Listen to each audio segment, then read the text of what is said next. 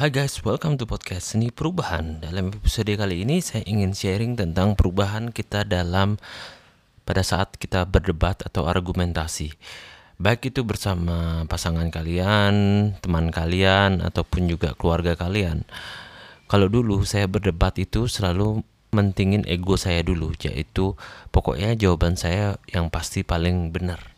Ya, saya menolak untuk mendengarkan apa yang mereka sampaikan di sana sering terjadi tense dan akhirnya tuh malah menimbulkan rasa sakit ke dua belah pihak. Sebenarnya saya juga pelajari bagaimana sih cara sebenarnya kita tuh berargumen dengan baik atau berargumen dengan elegan lah sehingga kita mencapai kesepakatan bersama yang yang merupakan pilihan yang terbaik dari yang terbaik. Jadi mencari jalan tengah dan juga untuk mencari solusi yang terbaik lah. Nah, saya sempat mendapatkan satu quotes yang sangat bisa merubah cara pandang kita dalam berargumen yaitu adalah whenever you argue don't raise your voice but improve your argument Oke, artinya apa? Setiap kita berdebat, kita jangan meninggikan suara kita, melainkan kita meningkatkan poin-poin argumen kita. Nah, di sana membuat argumen itu menjadi lebih bijak atau lebih tenang. Kenapa? Karena saya mencoba untuk tidak meninggikan suara saya dulu karena kalau yang tinggi itu kan biasanya ego kita aja ya. Pokoknya kita aja mau jawaban kita aja yang yang terbaik dan mau didengar. Sebenarnya memang mungkin benar juga memang bahwa jawaban kita yang benar atau yang lebih baik daripada argumen dia. Cuman kembali lagi it's not about what is about how. Ini bukan tentang masalah argumen yang kita juga apa, tapi juga tentang bagaimana cara kita menyampaikan argumen kita tersebut. Nah, saya sempat belajar dan juga teman saya juga sempat menasihati saya lah. Jadi sebenarnya di awal adalah poin pertama harusnya kita mendengarkan poin mereka dulu, oke? Okay? Jangan memotong atau langsung karena kamu sudah mendengar ada yang tidak tidak cocok atau tidak sinkron dengan argumen poin-poin kamu, kamu langsung cut pembicaraannya dan kamu langsung meninggi suara. Nah, itu salah, ya. Jadi kita mencoba untuk mendengar dulu seluruh argumen dia atau poin-poin dia. Kemudian setelah kita mendengar, setelah dia selesai menjelaskan, baru kita bisa menjawab meresponnya juga lang jangan langsung kayak oh enggak nggak bisa nggak bisa gitu karena gini-gini. Nggak jangan langsung ngegas dulu gitu. Jadi mungkin kita lebih baik membuat dia berpikir seperti ini. Ya benar sih.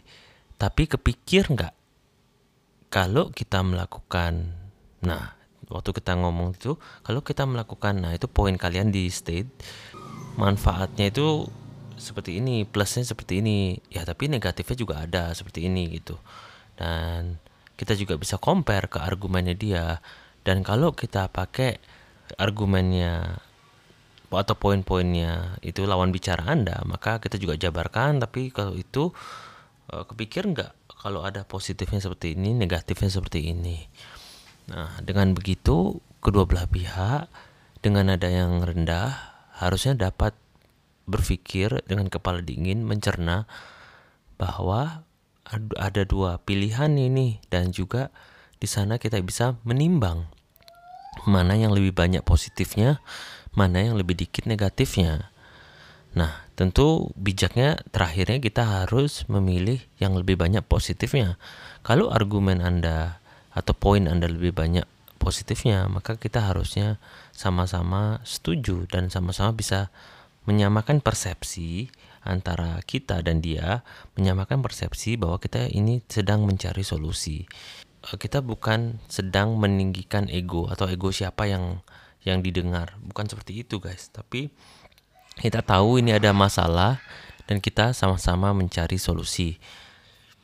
Tapi tujuannya di sini adalah win-win tentunya. Di sini bukan hanya tentang argumen ya, tapi kadang-kadang juga tentang negosiasi juga sama. Jadi intinya juga win-win lah. Kalau dalam argumen mungkin tujuannya baik sama-sama tujuannya niatnya baik. uh, kita sampaikan dulu niatnya. Nah, pastikan banyak orang yang lupa untuk menyampaikan niatnya. Jadi argumen itu seolah-olah menjatuhkan ide dia. Ya, tujuan kalian menjatuhkan ide dia dan mengangkat ide kalian. Padahal yang pertama harus disampaikan adalah niat. Kita kan sama-sama mau cari solusi yang terbaik ya di dalam masalah ini.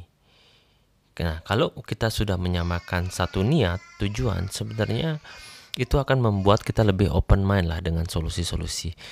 Nah, sekarang kan pilihannya seperti ini, solusi seperti ini. Kalau kita pakai solusimu, plus minusnya seperti ini. Kalau kita pakai solusi saya, plus minusnya seperti ini. Nah, kita kan bisa lihat lihat kan tapi jangan salah guys, siapa tahu kalau kita menggabungkan solusi antara solusi kita dan solusi dia, kita menemukan solusi yang di tengah.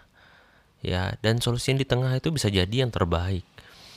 Nah, itulah seninya berargumentasi. Itu aja sih yang ingin saya sharing karena itu yang saya ingat pembelajaran saya dulu dan saya ingin sharing supaya kita bisa merubah hidup kita juga lebih baik karena kalau kita selalu meninggikan ego kita, akhirnya sih ujung-ujungnya sih ya sama-sama sakit dan akhirnya saling saling kesel lah gitu. Tapi kalau kita bisa improve our argument instead of raising our voice, maka kita bisa mencari solusi yang terbaik. Jadi semoga kalau kalian lagi berargumentasi dengan siapa pun, pastikan ini niatnya dulu disamakan, persepsinya dulu disamakan. Tentunya harus niatnya yang baik, terus tanpa mau menjatuhkan satu sama lain. Kita kedua kalian harus mendengarkan dahulu, jangan ngomong dulu, mendengarkan dulu sampai dia selesai poin-poinnya. Kalian bahkan kalau lebih bagus catat, kemudian Berikutnya yang ketiga, sampaikanlah argumen Anda dengan elegan juga, dengan berisikan poin-poin kalian juga dengan plus dan minusnya. Jangan plusnya aja. Tentu biar fair, plus dan minusnya harus sampaikan, tapi poinnya dia juga kita sampaikan plus dan minusnya. Dari sana, baru poin terakhir adalah kita menimbang-nimbang mana yang terbaik. Kalau bisa dikombine, is good, kita cari jalan tengah. Kalau nggak bisa, kita lihat sama-sama mana yang solusi yang lebih baik.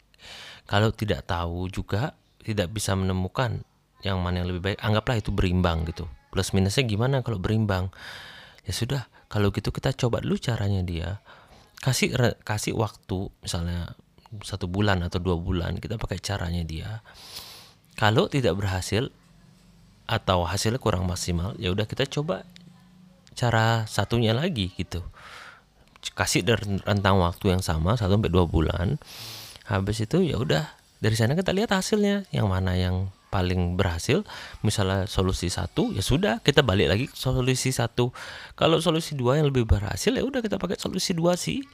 Jadi semuanya based on result based on data dan happy kan gitu. Karena ujung-ujungnya niatnya kan baik sama-sama mau menyelesaikan masalah sama-sama mau menyelesaikan solusi.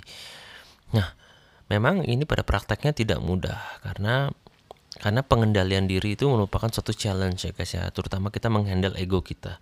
Kita nggak bisa apa memaksakan ego kita. Karena kita berhadapan dengan orang yang kita cintai atau orang-orang yang yang kita peduli.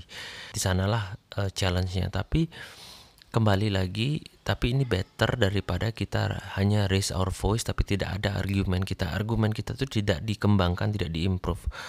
Kita hanya meninggikan tone suara kita. Hanya emosi aja ditonjolin. Itu nggak bagus. Karena setiap melakukan keputusan dengan emosi selalu ujung-ujungnya itu kita melakukan keputusan yang salah. Oke itu aja guys. Semoga ini membantu. Kalau ini membantu jangan lupa untuk di share dan berubah itu tidaklah mudah tapi hidup akan lebih mudah jika kita mau berubah. Be grateful and take action. Bye